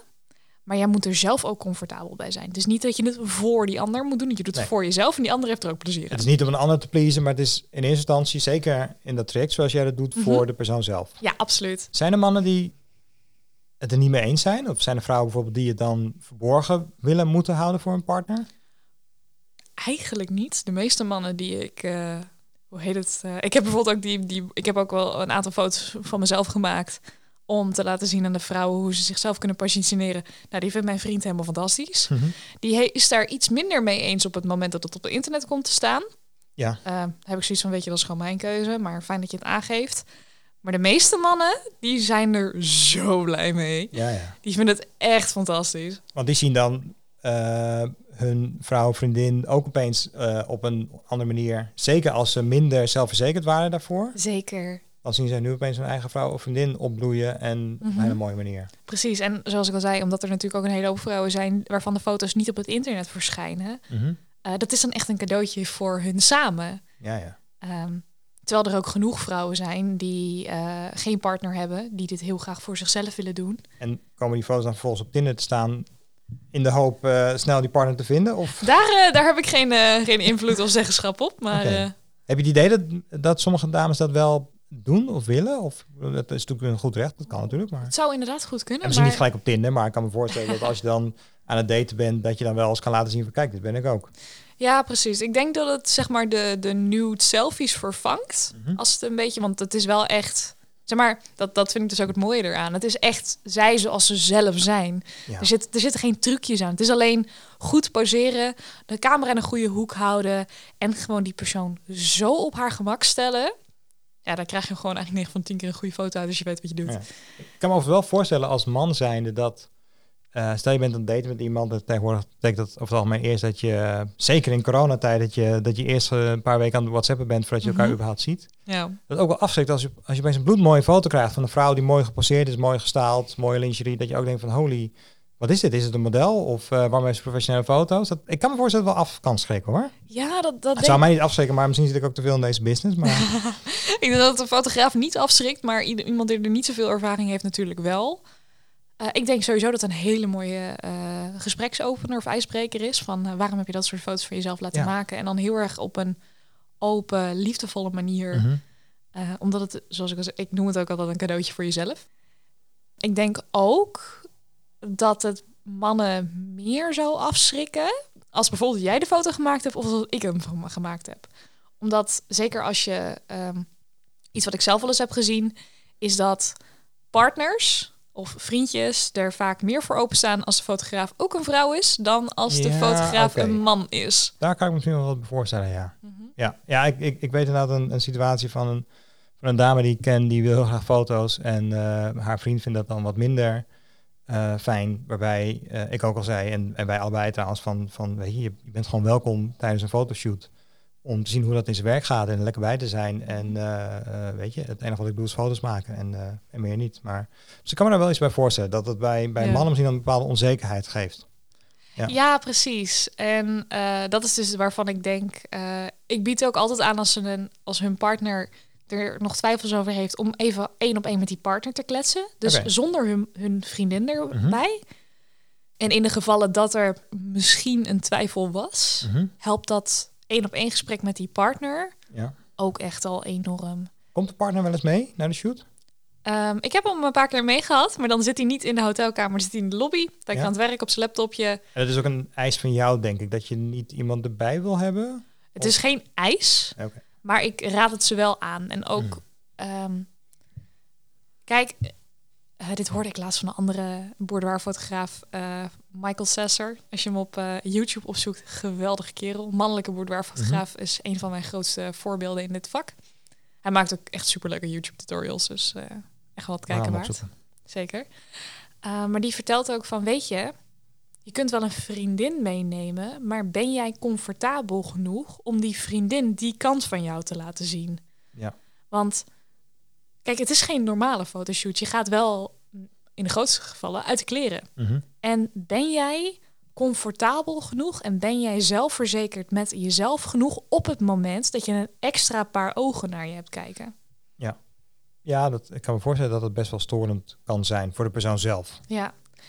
Wat ik sowieso denk dat ook wel in mijn voordeel werkt, is dat ik in een hotel werk en dat mensen niet bij mij thuiskomen. Dus Ja, zeker. eh, dat zeg maar, er zit sowieso wat meer, er zitten sowieso meer mensen omheen. Mijn doel is wel om, als ik straks op mezelf woon, eh, eigenlijk de bovenetage van mijn huis als boudoir studio te gebruiken. Eh, waar mensen dan echt bij mij binnen kunnen komen. Maar dan worden ze ook ontvangen met koffie, thee, lekkers. Dan mag hun partner Ja. gewoon beneden bij mij aan de eettafel in de woonkamer komen zitten. En dan, eh, dan is dat Wifi en helemaal eh, goed. mee. Ja, precies. Ehm, ik vind sowieso... Ja, nee, ga je gang. Ik vind het heel fijn om die mogelijkheid te bieden. Maar ik probeer ze daarin wel te leren wat het voor ze kan doen op het moment dat ze daadwerkelijk alleen die kamer instappen. Zijn er ook cliënten die zeggen van ik wil het bij mij thuis doen? Of ik heb een locatie. Zeker. Oké, en dat doe je ook. Dan eh, laat ik het zo zeggen, dan zitten daar wel meestal iets van reiskosten in verwoven, maar dan maak ik er een apart, eh, een apart pakket van. En heb je Dus- dan wel eens situaties dat je denkt van ja, leuk dat je thuis wil doen, maar jouw kamer is qua licht of inrichting of een of andere blokker eh, dekbed in Ja. vage kleuren, dat je denkt van hier kan ik niet zoveel mee? Dat komt zeker voor. Maar daar, dat is ook het fijne van die intake. Meestal als die intake bij hun thuis is, laten ze hun ruimte even zien. En dan geef ik ze ook advies van, weet je, eh, is dit daadwerkelijk iets wat je wil? Want het, zeg maar, je kunt het tot een zekere stelling opruimen, maar je hebt geen, zeg maar, je kunt een nieuw dekbed kopen, je kunt hem anders inrichten, je kunt alles opruimen. Maar wat ik heel vaak merk, is dat het bijdraagt aan de ervaring om even uit je eigen Mhm. omgeving te gaan. Ja, ik vind zelf sowieso altijd een hotelkamer een hele prettige omgeving. En daar heb je ook gewoon lekker wat ruimte. En Mhm. Dat, eh, ik kan me voorstellen dat het wel meewerkt in het succes van zo'n fotoshoot.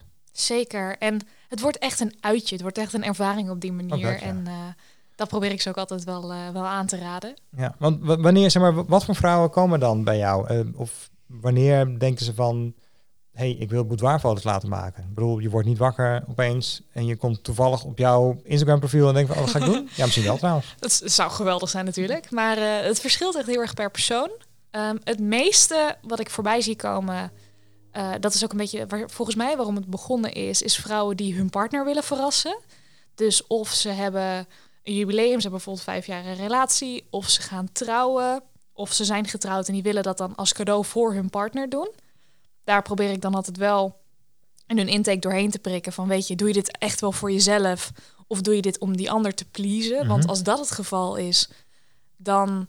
ehm, heb ik vaak ook een veel langer gesprek met diegene. Ja. Maar dan op een gegeven moment komen ze er wel achter van dat ze het toch wel voor hunzelf doen, maar eigenlijk nog niet helemaal durven. Mm, en nou dan, ja. dat is dus ook iets wat ik in die intake mooi kan oplossen voor ze, of alvast een stapje de goede kant op kan maken. Maar je hebt bijvoorbeeld ook eh, moeders die na hun bevalling weer van zichzelf willen gaan houden, omdat hun Mhm. lichaam natuurlijk enorm veranderd is. Je hebt jonge vrouwen die net klaar zijn met studeren, die inmiddels uitgegroeid zijn en die Mhm. nu zoiets hebben van, weet je, dit is what I got en eh, hier wil ik verder mee. Je hebt ook vrouwen die eh, na een break-up of na een scheiding dit willen, omdat ze denken van, weet je, dit heeft zoveel energie van mij gevraagd. Eh, ik wil weer voor mezelf gaan houden. Ik wil het aan mezelf cadeau geven. En je hebt gewoon van die badass vrouwen die gewoon langskomen, die dit voorbij zien komen, denken: dat wil ik, dat ga ik doen. En niemand die me kan vertellen dat ik dat niet mag. Oh ja, dat, dat is, eh, heb je daar een voorkeur? Wat- vind jij zelf het leukste om mee te werken? Die laatste sowieso, Ja? dat vind ik fantastisch. Maar er zit ook altijd wel een, een spannend tintje aan mensen die het dus stiekem voor hun partner doen. Ja. Die, eh, ik, ik zeg dan altijd van neem even een oversized blouse of vest van je partner mee. Dan maken we er ook een paar foto's bij. Dat vindt die ander vaak helemaal geweldig. Oh ja. Eh, dat vind ik ook heel erg leuk. Maar het, het verschi- zeg maar, ik moet zeggen, ik werk alleen maar met leuke vrouwen. Echt iedereen waarmee ik een gesprek heb, word ik zo gelukkig Ja. en blij van. Dat zal ook zeg maar, uit jezelf komen, denk ik. Ja, zeker. Dat, is niet, eh, dat zal geen toeval zijn, maar dat, dat, dat maak je ook los in mensen vermoedelijk als je Mhm. zo'n traject eh, doet. Ja, zeker. En eh, zoals ik, ik heb dus niet echt een voorkeur. Het, het heeft allemaal zijn charmes. Maar het heeft allemaal weer andere charmes. Ja. Dat maakt het wel heel erg leuk. Ja, maar jouw doel is natuurlijk om, om die, die dame zelf zeg maar, verder te helpen in haar eigen zelfverzekerdheid. Als ik het zo samenvat. Ja, goed samengevat. Ehm, maar er zijn dan ook dames die zoiets hebben van, eh, zeg maar, oké, seven year itch. Of we moeten eventjes eh, de boel aanwakkeren. Mhm. En dit is de manier waarop. Heb je dat ook? Bijna niet. Oké. Omdat juist in zo'n soort situatie is het best wel eng om de regie zeg maar uit handen te geven. Of eigenlijk Mhm. de regie aan mij te geven in dat Ja. geval. Wat ik wel vaker zie, en dat is ook echt wel iets wat ik ook heel erg leuk vind om te doen, is dat ze hun partner meenemen, maar dat ze er echt een, eh een koppels boudoir shoot van maken. En dan is het sneller dat ze die ervaring zeg maar samen aangaan. Mhm. Iets wat ik bijvoorbeeld op het moment dat een stel gaat beginnen of besloten heeft dat ze willen proberen om aan kinderen te beginnen, dat ze op dat moment zo'n shoot boeken, dat ze denken van dit is ons in ons gelukkigste moment van onze relatie. Dat willen we Oh ja. op een hele intieme manier vastleggen, want dit is de laatste keer dat we dat op deze manier kunnen doen. Zeg maar, zo, zo jong en nog zo onbevangen en nog niet de, de verantwoordelijkheden Mhm. die je dan als ouder Ja. hebt. En dan doen ze het samen. Maar het, het wordt eigenlijk, laat ik het zo zeggen, het is zo persoonlijk en intiem dat het eigenlijk niet als lijm gebruikt wordt. Ik kan me voorstellen dat zo'n koppelshoot inderdaad heel persoonlijk en intiem is, maar ook voor jou als fotograaf. Want Mhm.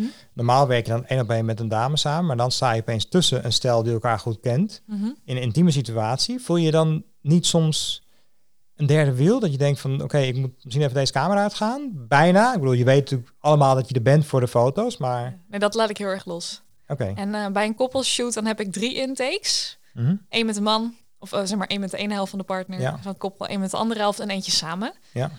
Want Ja, dat kunnen ook twee vrouwen zijn. kunnen natuurlijk ook twee vrouwen zijn, kunnen ook twee mannen zijn. Dat Ja. maakt ook helemaal niet uit.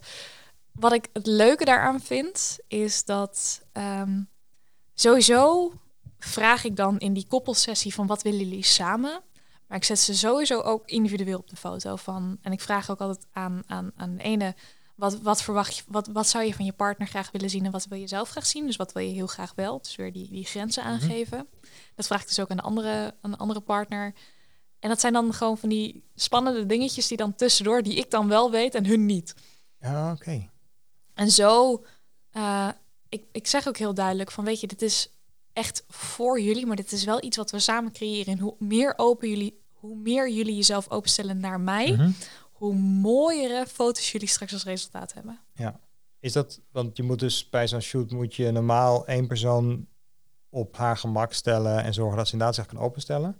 Is dat bij mannen moeilijker in zo'n situatie? Ehm, ja, zeg maar, bij mannen merk ik dat ze het moeilijker vinden om te vergeten dat de camera er is. Mhm.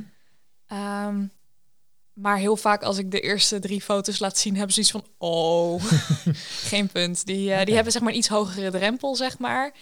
En het voordeel is, ik vind het sommige gevallen makkelijker om een koppel te fotograferen.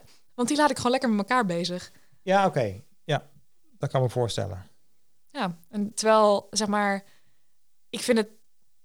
Ik kan heel eerlijk zeggen dat ik het veel leuker vind om één op één met iemand te werken. Mhm. Omdat we dan echt samen iets moois kunnen creëren. Maar met een koppel werken geeft zo'n andere energie, een andere dynamiek. Mhm. En ik vind het dan dus mooi om dus die intieme momenten die normaal gesproken niemand anders ziet. Mhm. En die ze zelf ook niet vanuit die houding zien. Want ze zien zelf alleen maar elkaar, maar niet Ja. zichzelf daarin. Om dat op die manier dus ook vast te kunnen leggen. Moet je dat dan niet nog heel erg regisseren? Want ik kan me voorstellen dat, eh, dat wat voor hun op dat moment heel intiem voelt en, en mooi, dat het dan misschien op de foto niet overkomt.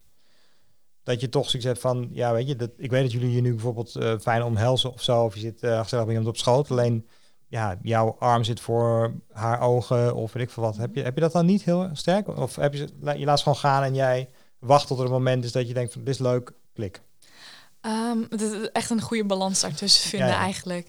Eh, ik begin meestal met een, een pauze regisseren en daarna laat ik ze een beetje hun eigen ding doen. Mhm.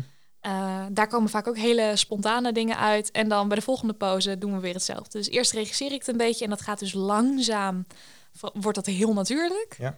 En eh, ik laat ze ook lekker een beetje hun ding doen, want dat, ja, weet je, dat, dat, dat is ook gewoon leuk. En ik vind het super fijn dat ze mij dan het vertrouwen hebben gegeven om dat voor hun vast te mogen leggen. Mhm. Maar het moet ook, zeg maar, ik merk juist dat door die intieme momentjes onderling, dat ik even verdwijn voor ze, dat die erin te laten, dat dat ook veel mooiere foto's geeft. Probeer het dan ook een beetje om jezelf bijna onopvallend dan in die situatie te begeven. Ja, precies. En het geeft ook, dit, dat is eigenlijk gewoon een perfecte weergave van hoe zij in het echt ook zijn, want dan zit er ook niemand toe te kijken. Ja. Wat zijn, wat zijn mensen kwijt voor zo'n track? Want het is, het is echt een track. Het is niet gewoon een fotoshoot wat je doet. Nee, precies. Ehm, nou, mijn basistarief is 499 euro inclusief BTW. Mhm. En dat is alleen de shoot en de locatie. De foto's en de prints, die kun je achteraf bij mij bestellen. Ja. Die kun je ook nog na je fotoshoot extra bij ja. bestellen. En ik heb pakketten va- variërend van 350 euro inclusief BTW tot en met 750 euro inclusief BTW zit nog een pakket van 550 tussen. En bij die van 350 krijg je bijvoorbeeld een mooie box met vijf fotoafdrukken in echt zo'n paspartout. Mhm.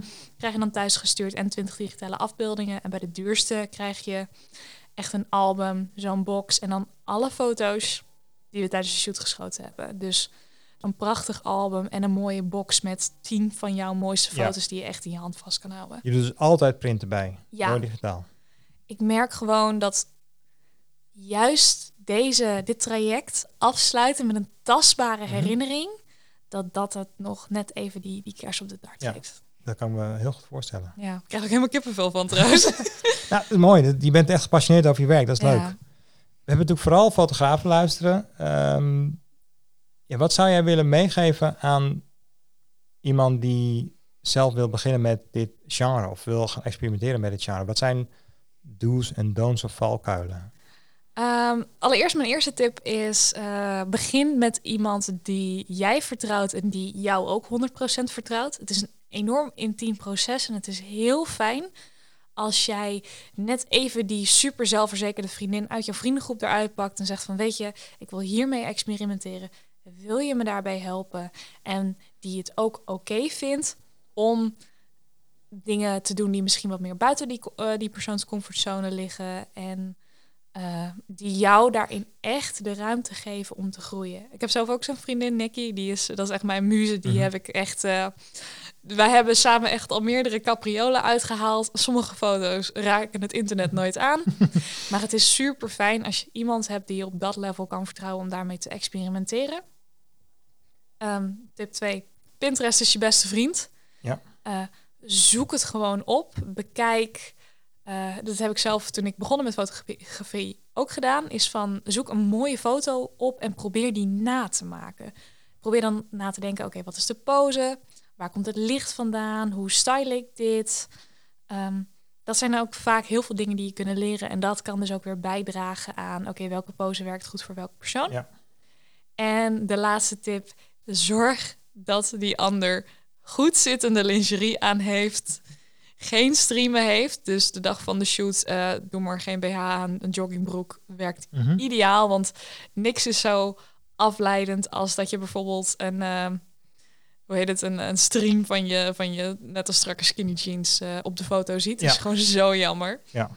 Dus en houd lekker ontspannen, houd lekker intiem, werk met wat je hebt en doe het met iemand die je vertrouwt. Of vraag aan andere fotografen. Stuur mij een, uh, een Instagram DM of een, uh, of een appje van... Uh, hey, ik wil dit graag doen. Zou ik een keertje met je mee kunnen lopen? Want weet je, iedereen... Je moet, het, je moet het van iemand leren. En je kunt, net als ik, het hele traject jezelf aanleren. Mhm. Maar je kunt ook gewoon iemand benaderen en zeggen van... hey, hoe doe jij dat? En ja. er zijn genoeg fotografen die er echt voor openstaan om even een half uurtje met je te bellen, om je wat dingen te leren, om je tips, om advies te geven. En, en laat ze vooral naar deze aflevering van de podcast luisteren. Ik denk dat hier al heel veel tips in zitten oh, voor mensen die dit uh, willen doen. En luister ook de andere afleveringen van deze podcast. Uh, en je hebt trouwens zelf ook een podcast. Ja, dat klopt. Superleuk. Uh, ik heb de Burnout Light Up podcast te luisteren op SoundCloud, Spotify en Apple Podcasts.